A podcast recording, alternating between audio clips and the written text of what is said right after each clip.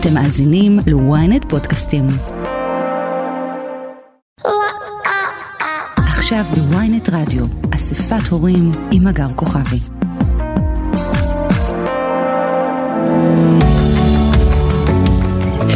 שלום לכולם, אהלן, ברוכים הבאים לאספת הורים, פודקאסט ההורות שלנו כאן בוויינט רדיו. טכנאי השידור הוא אביב ליבוביץ', אני הגר כוכבי, והיום אנחנו נדבר על מיניות, מיניות של פעוטות וילדים, מה זו מיניות בריאה ולמה צריך לדבר אליה וללמד אותה. ננסה לענות לשאלות שאתם שאלתם, אה, כמו על עירום בבית, באיזה גיל מפסיקים להתקלח יחד, ועוד ועוד. קיבלנו המון שאלות כאלה.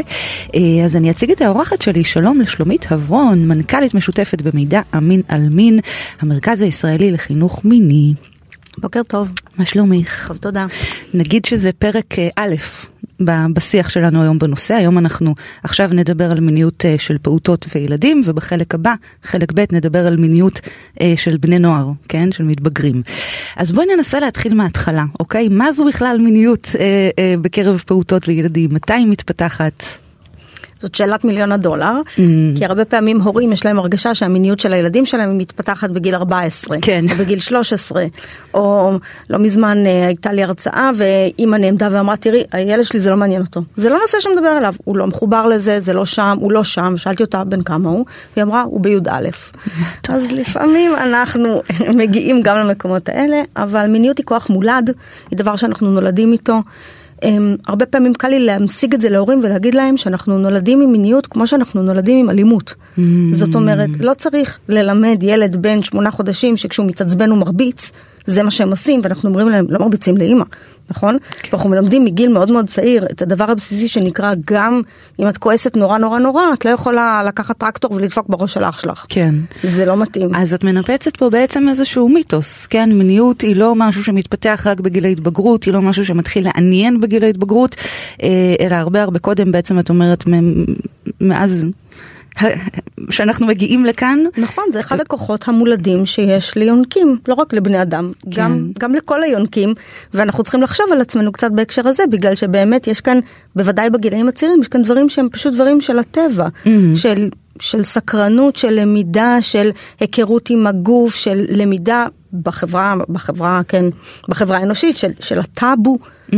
אז בואי, הזכרת גם את המילה טבעי וגם את המילה טאבו, אז בואי ננסה להבין איך נראית מיניות בקרב ילדים או פעוטות, את יודעת מה נדבר על פעוטות קודם. אנחנו נתחיל בערך מגיל שלוש, לפני כן יש תינוקות ותינוקות זקוקים להרבה מגע ולאהבה ולחום ולקשר ול, ולדברים uh, מסוגים אחרים וגם שם יש מיניות אבל היא באמת מאוד מצומצמת. Mm-hmm. אי שם בסביבות גיל 3-4, כשילדים הופכים להיות ילדים ומתחילים למשל ללכת למערכת החינוך, אוקיי? Mm-hmm. Okay? והם מגיעים לאיזושהי בשלות שבה הם מפסיקים להיות תינוקות והם גמרו עם הגמילה, זה השלב שבו אנחנו מתחילות להסתכל על חינוך למיניות בריאה.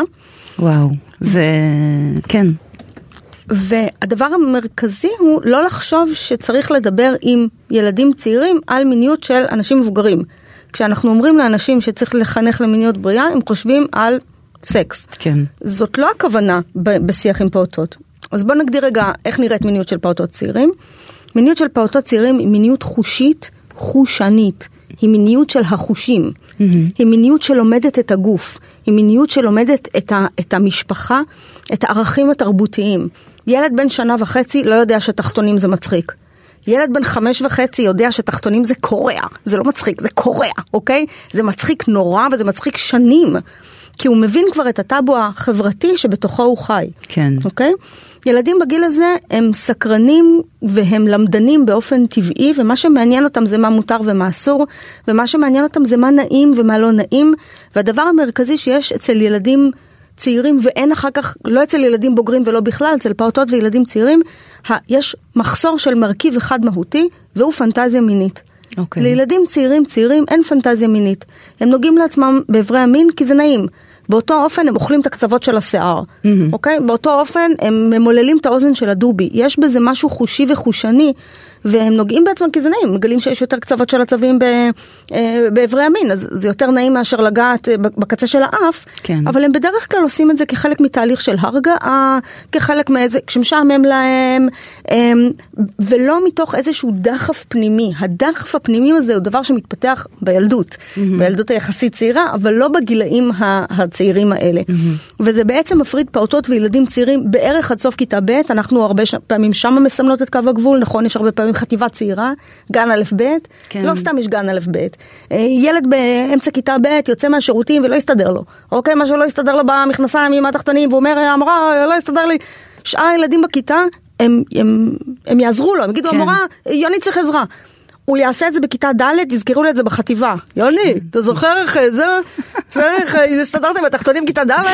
כי ילדים בד' זה כבר סיפור אחר לגמרי. כן. בב' יש עוד משהו, עוד, קט, עוד משהו קטן, עטוף. כן. אבל הזכרת באמת מגע עצמי, ואני תוהה, את יודעת, הורים שנתקלים בסיטואציה הזו שילד נוגע בעצמו בגיל, לא יודעת, שנתיים או שלוש. מה צריכה להיות התגובה שלהם לדבר הזה? נגיד את תפיסת העולם שלנו. עד גיל כן. שלוש אני, אני לא עושה כלום. מדובר בתינוקות, בתהליכים של גמילה, עוד, עוד עם חיתול, עם בלי, עם תחתונים, עם גמילה, עזבו אותי. כן. תנו להם לעשות מה שהם רוצים, אפשר לשטוף ידיים לפני שאוכלים. גם, אוקיי?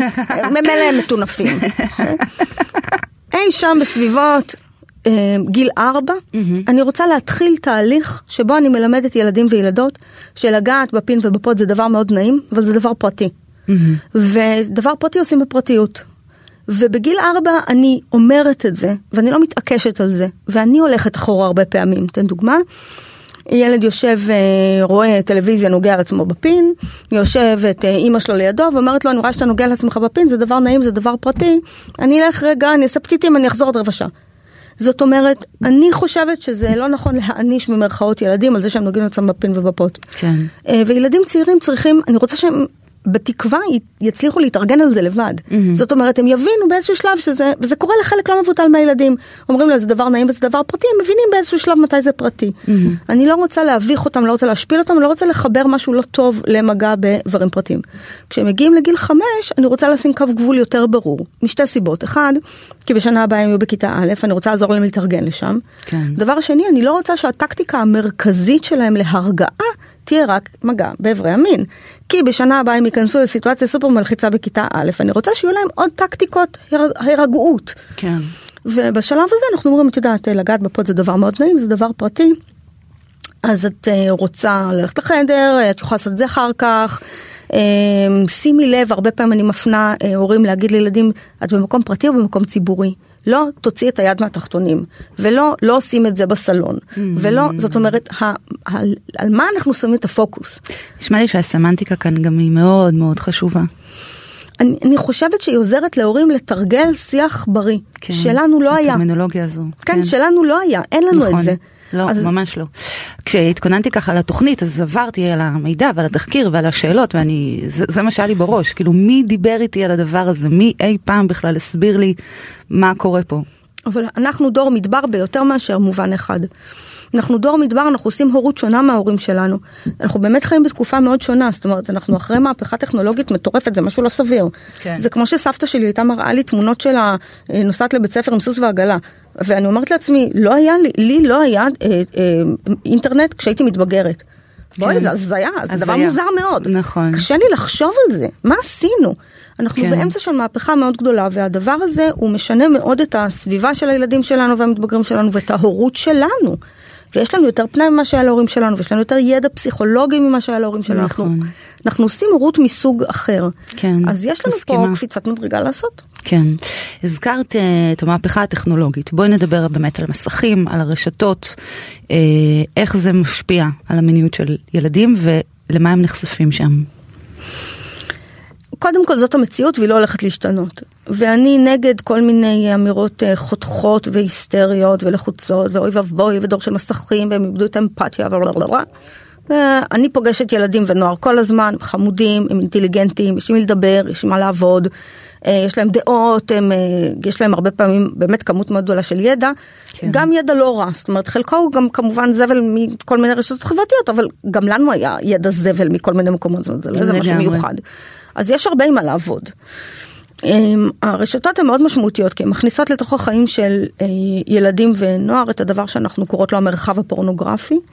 והמרחב הפורנוגרפי הוא לא פורנוגרפיה, שגם זה נכנס דרך הרשתות כמובן, אבל המרחב הפורנוגרפי הוא סך כל הדימויים המיניים שהילדים שלנו חשופים אליהם מעצם זה שהם, אמ, שהם חיים. ניתן רגע דוגמה מהקורונה.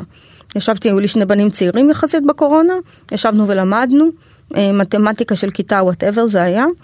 ותוך כדי שאנחנו לומדים באיזה אתר, כי אני מנסה ללמוד לעשות אה, חילוק ארוך, שאני לא יודעת כמובן, אה, קופץ, קופצת פרסומת, עכשיו הפרסומת הכי, את יודעת, פרסומת רית כאלה אלף, בסדר?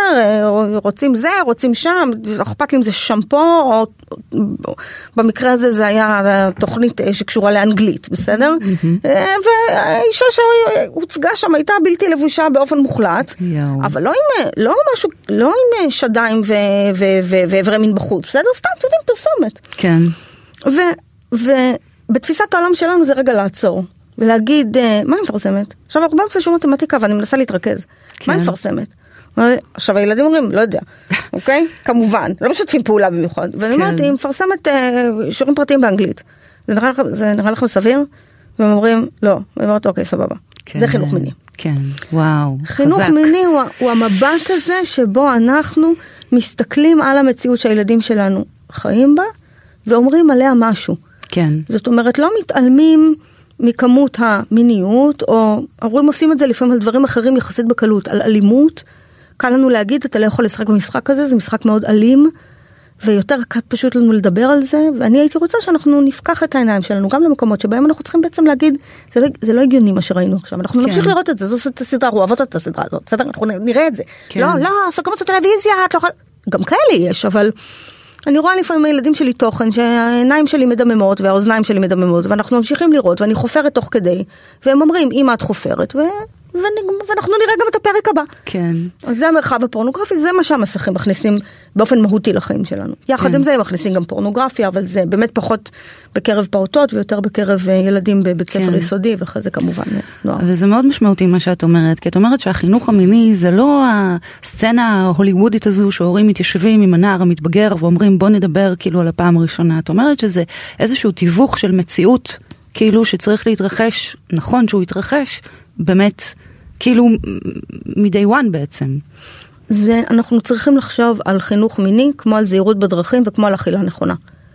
יש כאן איזשהו תהליך שצריך ללמד ילדים בהתאם לגיל שלהם. כן. אנחנו מגדירות חינוך מיני בתור שלושה, שלוש משימות הוריות. אחד, לתת מידע אמין על מין, שזה אומר את האמת תמיד, כן. תמיד תמיד תמיד את האמת, כולל כשהשאלה היא לא מותאמת, אני אענה אמת באופן מותאם, אוקיי? Okay? Mm-hmm. לתת מידע מין על מין מותאם לגיל של הילד ילדה שנמצאים כן. מולי. ב' זה לא ה', ה' זה לא ח', ח' זה לא י"א, ממש לא. והפרמטר השלישי ואולי החשוב מכולם בתפיסת העולם שלנו, יזום על ידי ההורים. או. זאת אומרת, לא תגובתי לאירוע שקרה, לא תגובתי לזה שקיבלתי אה, מייל אה, מהגננת שקרה משהו אה, היום והם דיברו על זה ויש פתאום איזה חרדה ולחץ מאוד גדול ומה קרה והילד שלי כן היה מעורב או לא היה מעורב. לא תגובתי. כי חינוך עושים לפני. אני, אני לא באה לילד אה, אחרי שהוא אה, רכב על אה, קורקינט בלי קסדה, ריסק את עצמו ואומרת לו, וואי, שכחתי להגיד לך, זה, זה, זה, זה, לא זכרתי את זה. לא, אני אומרת לו לפני, נראה אותך בלי נכון. קסדה, לא היה לך קורקינט, אין דבר כזה, חייבים קסדה ואנחנו נריב איתם, ובצדק, כי זה שומר על החיים שלהם. גם פה אנחנו צריכים להתחיל להבין שהמיניות נמצאת בכל מקום. שהילדים שלנו מבינים חלקים מתוך השלם, והרבה פעמים ככה עובד המוח האנושי, הם ממציאים לעצמם איזה סיפור מסביב כדי לתפור חלק מהדברים, אתן דוגמאות של ילדים צעירים, איך זרע מגיע לבטן. אוקיי? אז ילדים צעירים שהם לא יודעים איך באים ילדים לעולם, הם, הם, ההנחה הבסיסית שלהם זה שמה שנכנס דרך הבטן הוא נכנס דרך הפה. זה, זה הדבר הטבעי לחשוב. אוקיי? לחשוב שמשהו נכנס דרך הפוט זה דבר מאוד מוזר, מאוד. מאוד. אוקיי, משהו מאוד מאוד מאוד מאוד משונה, שום דבר לא נכנס לפוט שלהן, בתקוות פוחמסה, כן. וכאילו מה, מאוד לא, מאוד לא אינטואיטיבי. כן, אז או... הם, אז הם שואלים את ה... מגעיל, כמו שהילדה שלי אומרת. בוודאי, בצדק זה מגעיל, כן. אנחנו קוראות לזה חצילים. אנחנו אומרות לילדים, זה מגעיל אותך לחשוב על זה, נגיד אם אנחנו מדברות נגיד על איך באים ילדים לעולם, הם פתאום נחשפת לזה, אני אומרת לזה, מגעיל אותך לחשוב על זה. כי זה לא מתאים לגיל שלך, נכון? כמו שאת קשה לך לדמיין את עצמך מאכולת חצילים, סלט חצילים כאילו של סבתא עם הזה הטעים, שאני מאוד אוהבת, שאנשים מבוגרים מאוד אוהבים, זה פשוט לא מתאים לגיל שלך. הילדים כן. מבינים את זה, כאילו, הם מבינים שיש, הם מבינים שלילדים ולמבוגרים יש תפיסות שונות, דברים שונים שמותר להם. אוקיי? אין להם אוטונומיה לילדים, הם יודעים שאין להם אוטונומיה, הם לא מחליטים מתי הם מתקלחים, הם לא מחליטים מה הם אוכלים, הם לא, מחל... הם לא יכולים להחליט שהם אוכלים כל יום סוכריות לארוחת ערב, הם לא מחליטים שהם אוכלים שם בשתיים בלילה, הם יודעים שאין להם אוטונומיה מלאה. וכשאנחנו נותנים להם מידע על מיניות של ילדים ושל מבוגרים, זה עוזר להם לסדר את הראש. כן. לא, זה כל כך מעניין, שלומית. רגע, אז דיברנו אה, על, ה, על השיחה היזומה, כן, על ליזום, ומה הדבר השלישי? דיברנו על שלושה דברים ש... לתת מידע אמין על מין. לתת מידע אמין. מותאם לגיל של הילד ילדה, יזום על ידי ההורים. יזום על ידי זה, ההורים. זה שלושת הדברים. כן. וההורים צריכים לשנן את זה ולזכור את זה, ובעיקר לזכור שתמיד עדיף לדבר, כולל לפשל, כולל שילך על הפנים, כולל שיהיה גרוע, כולל שהילדים יגידו אני לא מדבר איתך על זה, כולל שתהיה שתיקה, כולל שתהיה מבוכה. כי בסופו של דבר, אה, להורים יש איזושהי תפיסה שאומרת שהילדים לא רוצים לדבר איתם. ומהניסיון שלי בקבוצות ההורים שאנחנו עושות, בהרצאות שאנחנו עושות, במפגשים שלנו, שיש לנו מפגשים עם הורים לאורך זמן ואנחנו קצת עוזרים להם לתרגל, מי שלא רוצה לדבר זה אנחנו ההורים. ילדים ממש רוצים לדבר, ילדים צעירים בטוח רוצים לדבר, כן. ילדים בוגרים גם רוצים לדבר, ומתבגרים רוצים לדבר ושנסתום. זאת אומרת, הם רוצים לדבר ושלא נגיד, אבל הם רוצים להסביר לנו, ושאנחנו נצליח לשתוק ברגעים הראשונים ולחנך כן. אותם אחר כך.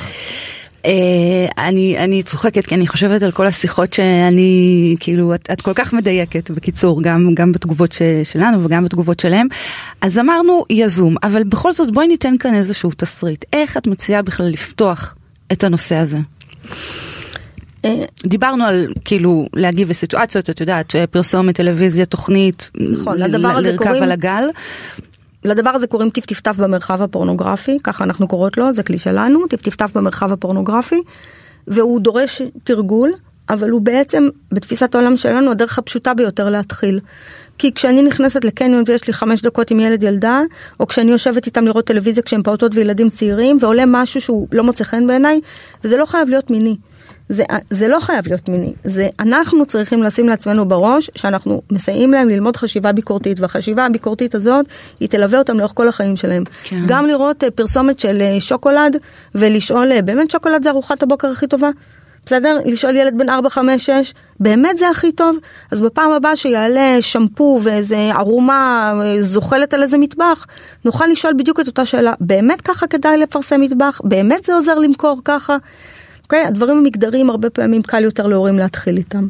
כן, אמ, מעניין, ממש ממש מעניין. אוקיי, אז חשיבה ביקורתית, ודיברנו גם על לענות אמת, על שאלות. לענות, כן. לענות אמת על שאלות, ילדים מגיעים, בגלל שהם חיים בתוך מרחב פורנוגרפי, הם מגיעים הביתה עם ידע מיני שלא אמור להיות להם, וככה זה, אוקיי? כי הם שמעו בהסעה, כי, הם, כי קפץ להם בטיק טוק, כי הם הלכו לחפש, כי חברה דיברה איתם, כי אלף דברים יכולים לקרות. כן. והם, הם, כמו, והם חשופים לתוכן לא מותאם, הם חשופים גם לתוכן אלים לא מותאם. בכלל העולם הוא לא כך מותאם לילדים בשלב הזה של החיים שלנו, בסדר? עולם לא מותאם. נכון, וישראל על אחת כמה וכמה, בסדר? כן. קורים פה כל מיני דברים מאוד מורכבים, אנחנו מתווכים אותם. אנחנו מתווכים מלחמות, אנחנו מתווכים הרבה דברים. אנחנו צריכים לא, לא לפחד לתווך גם את זה. אני אומרת להורים צעירים, בוודאי עם ילדים עד סוף כיתה ב', אבל גם עם הורים ביסודי, לא צריך, עד סוף יסודי. תסתכלו על הילד ילדה שיש מולכם, בני כמה הם, ותנסו לפשט את התשובה לדבר טכני כמה שיותר. ככל שהם יותר קטנים, המידע הוא יותר טכני. אני יכולה לתת דוגמה. קצת, אה, היא קצת לפנים. אני, תני, אוקיי. אני מחכה. אוקיי. אז אה, זו דוגמה שאני מספרת אותה הרבה פעמים. לפני כמה שנים התקשרה אליי חברה ונסערת במצב לא טוב. הייתה לה ילדה בכיתה ב' וילדה חזרה הביתה ואמרה לה, אמא, מה זה מינורלי? הופה. שאלה לא טובה, אוקיי? פחות. פח, לא, לא רוצה, אני, האם אני, לדוגמה, האם אני בתור הורה יוזמת שיחה מול ילדה בכיתה ב', שבי ביתי, הייתי רוצה לשוחח איתה על מה זה מינורלי? התשובה היא ממש לא.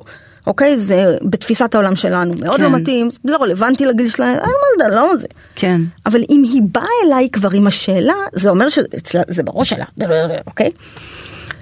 האם החברה שלי עשתה את הדבר המתבקש, היא שאלה אותה, מאיפה את, מה, איפה, שמעת?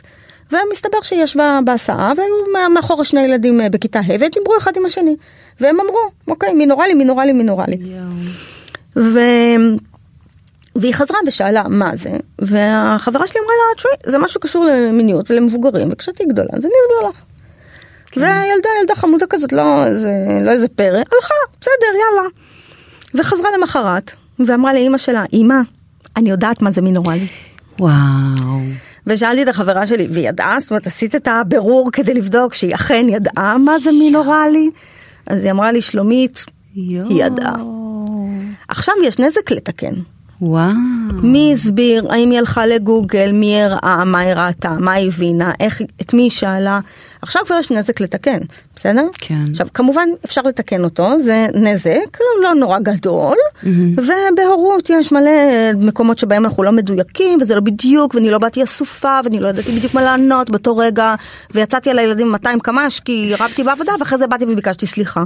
וגם פה הדבר המרכזי זה לזכור שאין שום, לילדים לא נוצרת טראומה משיח הם, שההורים שלהם פישלו בו, כשזה לא משהו חודרני וקיצוני לאורך זמן, בסדר? הורים שמדברים בצורה לא מותאמת עם הילדים שלהם, וכל היום מספרים להם סתם דוגמאות, מספרים להם על חיי המין שלהם, זה מאוד לא מותאם. אבל כשהורים מפשלים ואומרים קצת ככה, קצת ככה, ויוצא להם לא טוב, והם צריכים לחזור לתקן, אה, קורה, אוקיי, לגמרי. קורה, פשוט קורה לכולנו. כן. עכשיו, אז, אז היא שאלה אותי מה אני, מה אני צריכה להגיד לה, כאילו, מה, זה, מה הייתי צריכה להגיד מלכתחילה, מה זה מינורלי. וכששואלים אותי כזה דבר, אני תמיד, אני רגע חושבת, מנקודת מבט של ילדה בכיתה ב', מה זה מינורלי? אוקיי, מה זה? זה- מה אני צריכה להסביר על תנוחות, זה הרי חסר כל היגיון. נכון. ומינורלי זה מפגש של פה ואיבר מין. אוקיי? ולרוב המכריע, וכיוון שיש לנו הרבה מאוד ניסיון ויש לנו שיחות ייעוץ, אז אנחנו הרבה פעמים הורים באים אלינו, שואלים שאלות, הולכים וחוזרים, ואני יודעת להגיד מה עובד, אני יודעת להגיד שזו תשובה שעובדת. כן. חלק מאוד מאוד גדול מהילדים בכיתה ב' אומרים מפגש של פה ואיבר מין, הם אומרים. כן. ונעלמים לחדר. כן. כי זאת הייתה תשובה, תשובה אמיתית, והם לא מעוניינים לחשוב על זה יותר. כן. עכשיו יש כן. כמה אחוזים מהילדים שנפתחים פה שערי הגיהנום, כן? ומתחילים לשאול, מה לשאול, גם את עושה את זה? את עושה את זה עם אבא? גם אני אצטרך לעשות את זה? מותר לי לעשות את זה? זה ילדים שצריך לחבק אותם והולכת לשתות משהו ולשבת כן. לחשוב מה עושים. ולהתקשר אלייך. גם להם צריכים לענות, פשוט לאט. כן, אבל זה, זה באמת מתיישב לי למה שאמרת מקודם על התשובה האמיתית וגם הטכנית. נכון. כאילו טכנית וקצרה ככל העניין. כי אני לא מתחילה לילדה בכיתה ב' להסביר שזה נעים וכשגדולים אז אוהבים את זה. זה מאוד לא אינטואיטיבי בכיתה ב', כן. זה דבר מאוד מוזר, כן. מפגש של פה ואיברי מין, זה כאילו מה מה מה מה מה מה, כן. כן, לא רואים חיות עושות את זה, לא, לא אינטואיטיבי. אם אני אשאל אותך מה ילדים בגיל היסודי צריכים לדעת, זה משהו שאפשר לענות עליו? כן, זה פשוט קצת ארוך. אני אגיד שאני אני אגיד את ה highlights, אבל אני אפנה אנשים לאתר שלנו, האתר של מידע אמין על מין, כי יש לנו דפי, דפ, דפים באתר שכתוב בהם, אמ, שקוראים להם מה ללמד באיזה גיל, והם סוקרים את מה שאנחנו חושבות שצריך ללמד כל שלוש שנים, כאילו מגיל שלוש ועד שמונה עשרה, איזה ידע צריך להיות לילדים. כן. אז אני, נעשה עד סוף כיתה ו'? כן. מה צריך להיות לילדים עד סוף כיתה ו'? כן. אז גם אני אגיד ש, שב' זה לא ו', כן? כאילו, והורים צריכים פה לדייק את עצמם ולשים לב למה הם אומרים ושהם לא מציפים מידע, אבל פעוטות וילדים צעירים צריכים לדעת אה, מה הם איברים פרטיים, פין פוט שדיים ישבן. הם צריכים לדעת את השמות האלה, פין פוט שדיים וישבן, גם אם קוראים לפוט שלהם בבית פיש פיש פוש פוש מיש מיש מוש מיש טוטי טוטה, אני, אני מיפיתי בישראל 87 שמות שונים. וואו. שקוראים לפוט של, של ילדות. אני חושבת שכמו ששמש וחמה, ירח ולבנה, אוקיי, אפשר כן. גם לדעת שאנחנו אומרים בבית פוש פוש אבל קוראים לזה פוט, ובאופן כללי אני חושבת שחשוב להשתמש בשמות כן. האמיתיים, אפשר גם ככה, קצת ככה, זה בסדר. אז הם צריכים לדעת שאלה איברים פרטיים, הם צריכים לדעת שבאיברים הפרטיים שלהם מותר להם לגעת אה, מתי שהם רוצים בפרטיות. הם צריכים לדעת שאסור אה, לגעת אחד לשני באיברים הפרטיים, ואסור להתפשט תוך כדי משחק בלי לבקש רשות של מבוגרים. Mm, זה בג... בגילאים הצעירים. כן. אמ, אני רוצה שלא יהיה להם שיקול דעת, ומצד שני אני לא רוצה לייצר מצב של פחד מעירום. אני לא, השפה שאנחנו מדברות במידע המנהלמין היא לא שפה של צניעות. אנחנו לא מנסות לייצר מצב שבו דוגמה, שתי ילדות בכיתה ד' אפילו, mm-hmm. רוצות, את יודעת, הן עושות תצוגת אופנה, סלאש, תחפשות, לא אכפת לי, בסדר? מורידות בגדים, מתלבשות, מורידות, מתלבשות, מורידות, מתלבשות. בתפיסת העולם שלי, להוריד בגדים עם חברה בכיתה ד', שתינו בדלת סגורה, מחליפות בגדים, זה לא עירום. אני לא מוצאת עם זה, לא מוצאת בזה בעיה. כן. אבל לחלק מהילדים אין שיקול דעת, ואני לא רוצה שיהיה להם שיקול דעת, שישאלו. אני לא מוצאת בעיה עם זה שילדים ירוצו עם תחתונים בחצר עם אה, מים, את יודעת, באוגוסט החם. Mm-hmm.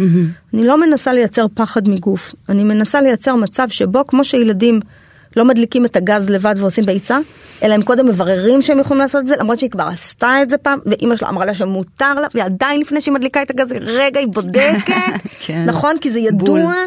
אותו דבר בדיוק גם פה, אימא זה בסדר שאנחנו זה וזה, אבא אנחנו יכולים ככה וככה, וכדי ש, שלא יצרו שיקול דעת. כן. כשהם צריכים לדעת החל מכיתה א' שהם לא נכנסים אחד, אחד עם השני לתוך אותו תא בשירותים. אפשר ללכת ביחד לשירותים, אבל לתוך אותו תא בשירותים נכנסים לבד. Mm-hmm. וכשהם גדלים קצת, שזה בערך מכיתה, זה בעצם מכיתה א', אבל אני נותנת על זה דגש מהותי בכיתה ג', אה, אולי תכף נדבר למה בכיתה ג', כאילו מה קורה בין ג' לו', אבל החל מכיתה ג' אני גם אומרת שלא רואים תמונות וסרטים, שרואים בהם אנשים ערומים ואיברים פרטיים. ואם ראינו תמונה או סרט שרואים בו אנשים ערומים ואיברים פרטיים, אנחנו לא נעביר אותה ואנחנו נספר להורים שלנו. כן. ובעצם כיסינו פורנו, אוקיי? זאת אומרת, כיסינו את האפשרות של חשיפה לפורנו, ואנחנו יודעות גם מהמחקר וגם מהניסיון הרב שלנו, שכשילדים יודעים מה הם צריכים לעשות, והם נתקלים בפורנו, קל להם, קל להם להתארגן מול זה בצורה אחרת מאשר אם זה מפתיע אותם. כן. והם לא צריכים לשאול את עצמם האם ההורים שלהם מכירים את זה או לא מכירים את זה. ילד בכיתה ד' אמר לי פעם, לא סיפרתי להורים שלי, כי לא, חשבתי שהם לא יודעים שיש דבר כזה. זאת אומרת, לא רציתי לזעזע אותם, כן? כן? לזה הוא התכוון. כן. אז אני רוצה שילדים ידעו שההורים שלהם הם כתובת גם כשקורים דברים לא מתאימים. כן. אבל פחות או יותר זה כל הדבר, זה ב big time, והם צריכים לדעת איך באים ילדים לעולם. כן. אבל אני, אני רוצה רגע אם זה בסדר אה, לעשות את הגימל וו, כן. זאת אומרת את ההמשך, כי זה עוזר אני חושבת להבין את, ה, את הפער. בטח. אמרנו שלילדים צעירים אין, אה, אין פנטזיה מינית. והרבה פעמים מבוגרים, שוב, כמו שאמרנו בהתחלה, הם, הם חושבים שהמיניות מתחילה בכיתה ח', כן? כי הם זוכרים את עצמם, לא יודעת מה, מתנשקים או whatever. כן. אבל המיניות מתחילה לצמוח בגימל, בערך, הכל בערך, בסדר? ג', ד', ה', ו', אז מתחיל לצמוח מבפנים נבט קטן, שיום אחד יגדל להיות עץ גדול של מיניות. וזה השנים שבהם יוצאים מחזקת הבית הקטן לטיפה החוצה, לכל מיני דברים. נוסעים באוטובוס, הולכים לחוג לבד, נכון? זורק, זורקים אותה בכניסה למתנ"ס, יאללה, סע. לא צריך ללוות אותם, לשבת איתם עם הזה. זה בדיוק הגיל הזה. הולכים, לה, הולכים לתנועת נוער, הולכים לישון אצל סבתא, לישון אצל חברים, לסרט עם חברים. אלה השנים שבהם מקבלים, מקבלים uh, טלפון במדינת ישראל, טלפון חכם. בסדר, קודם היה טיפש, עכשיו יש חכם, ד', ה', ג', ו', מתישהו בשנים האלה מקבלים טלפון חכם. חשיפה מאוד אינטנסיבית למרחב פורנוגרפי. אלה השנים שבהם מתפתחת פנטזיה מינית. Mm. אלה השנים. פנטזיה מינית של ילדים, אבל פנטזיה מינית. אז אנחנו עושים רשימה של כל הבנים בכיתה, רשימה של כל הבנות בכיתה, ועושים זוגות, וואי, נכון? וואי, זה בול. ומשהו כן מסתדר ופתאום את אומרת לעצמך רגע אני לא למי למי אני נמשכת? כן כן נמשכת אני כן מאוהבת אני לא מאוהבת במי אני מאוהבת?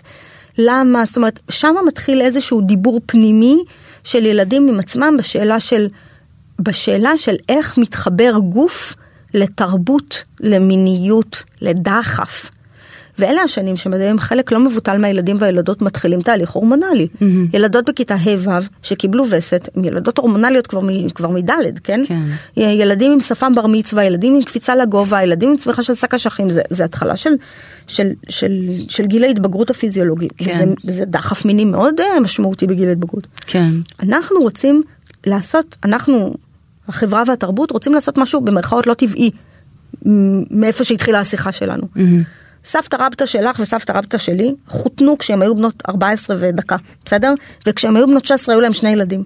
וככה זה היה לאורך כל ההיסטוריה. כן. לא היה דבר כזה גיל התבגרות. ילדות, ילדות, ילדות, בת מצווה, בגרות, זהו, אוקיי? ממש. לא איזה שש שנים, חלקת גדולה, חלקת קטנה, חלקת אולי, חלקת...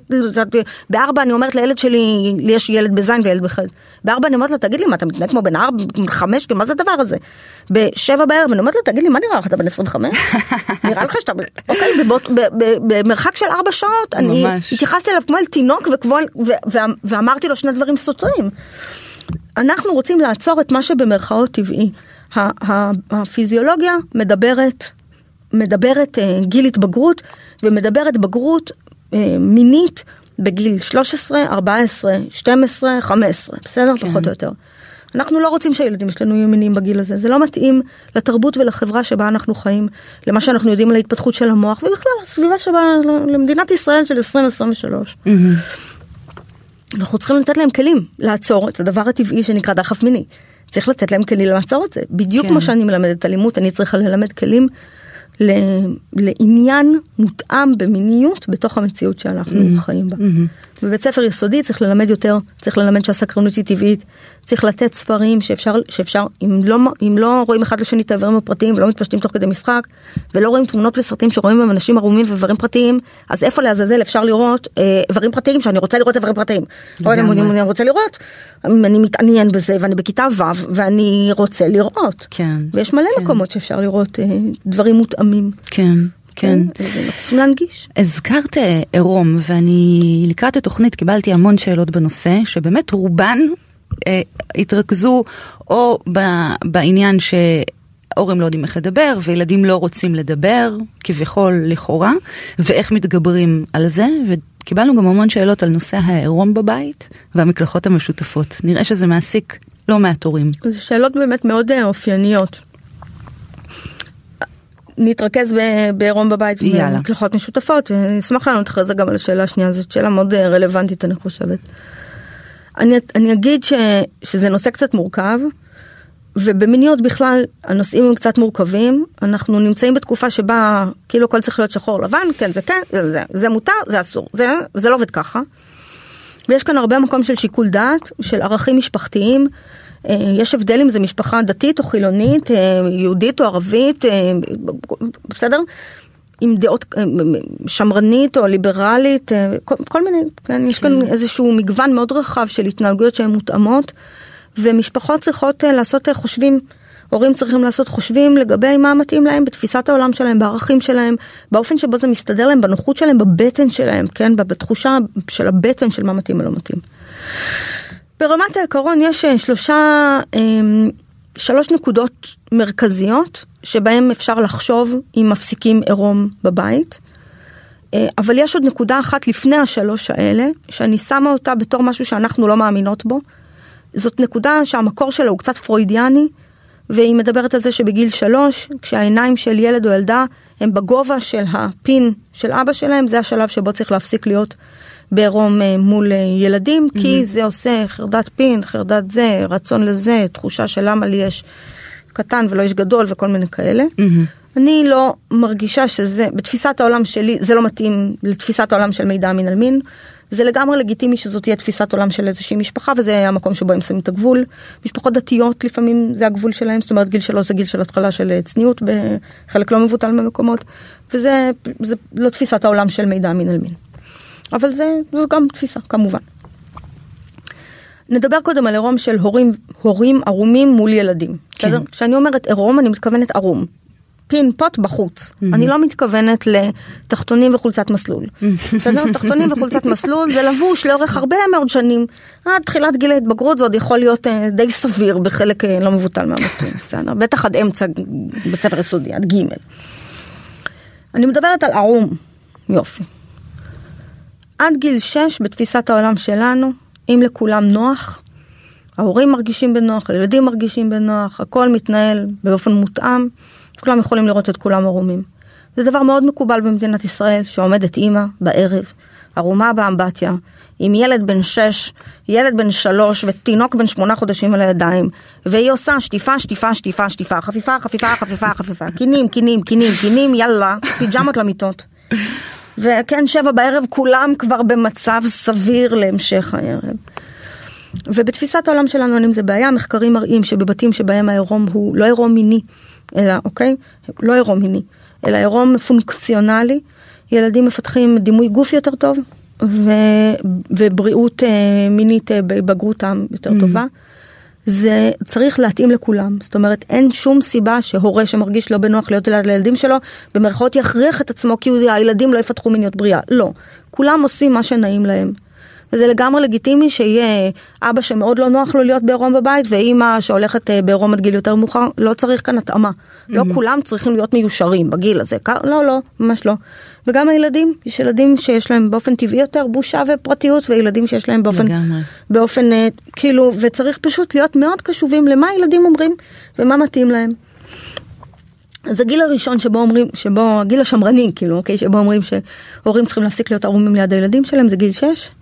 אמ, כשאנחנו מדברים על הורים מהמין הנגדי, זאת אומרת אבא ליד הבנות שלו ואימא ליד הבנים שלה, לא, לא משנה מה הקונסטלציה של המשפחה. כן. זאת אומרת לא אכפת לי אם יש שם אבא אחד, שני אבות, אה, אימא אחד, שתי אמהות או אימא ואבא, אנחנו בעצם אה, מפסיקים, ההורים מפסיקים להיות, אה, מהמין הנגדי הם מפסיקים להיות ערומים ליד ילדים ילדות. וההורים מאותו מין עדיין יכולים שהילדים יראו אותם בעירום.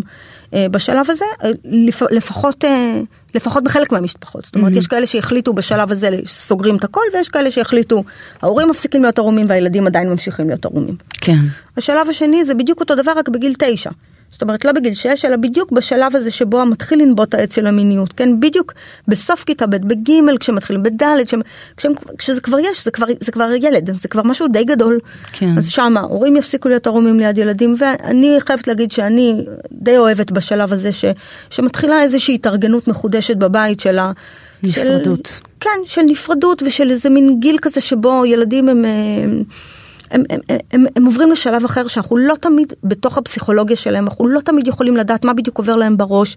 וזה שלב טוב של ללמד פרטיות ולהיות בפרטיות ולתת להם להכיר את הגוף של עצמם, וזה השלבים שבהם בעצם אנחנו רוצים ש, שהעירום הוא יהיה יותר uh, סגור. גם פה זה לא צריך להיות תמיד, זה לא חייב להיות, זה לא צריך להיות, אוקיי, כאילו יכול להיות כן. פעם ככה ופעם ככה, אבל יותר, יותר מקלחת הופכת להיות אירוע פרטי. כן, אז מה באמת עם מקלחות?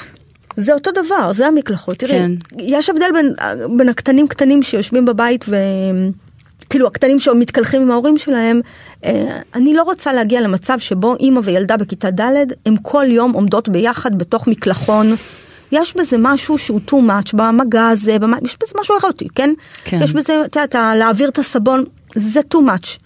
אבל אני אתן לך דוגמה, יש משפחות שבהם יש טקס שלם שבו הילדה מתקלחת, אוקיי? היא במקלחון, רגע התנתקה מן הטלפון. מדברת, מדברת, מדברת, שופכת את כל היום, ואימא שלו יושבת על האסלה, אוקיי? ושומעת.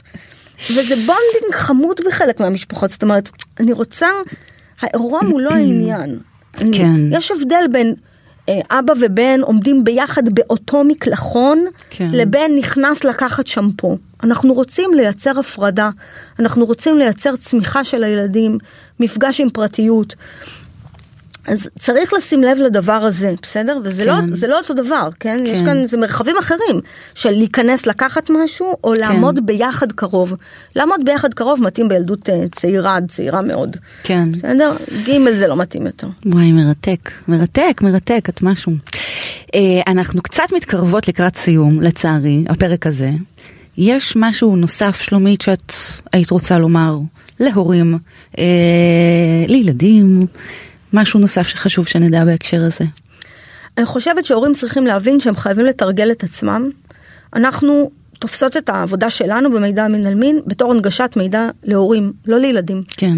אנחנו רואות, אנחנו כותבות חומרים למשל, חומרים בחינם שאפשר להוריד אצלנו, זאת המטרה שלנו. המטרה שלנו היא לעזור לדור שלנו, ההורים, לייצר שפה חדשה בתוך הבית, וכשיש שפה פין פוט, מותר אסור, לא נוגעים אחד לשני באיברים פרטיים, כן נוגעים, עירום זה דבר מעניין, אפשר ללמוד את זה אצלנו מהספר הזה והזה, אפשר לשאול את אימא.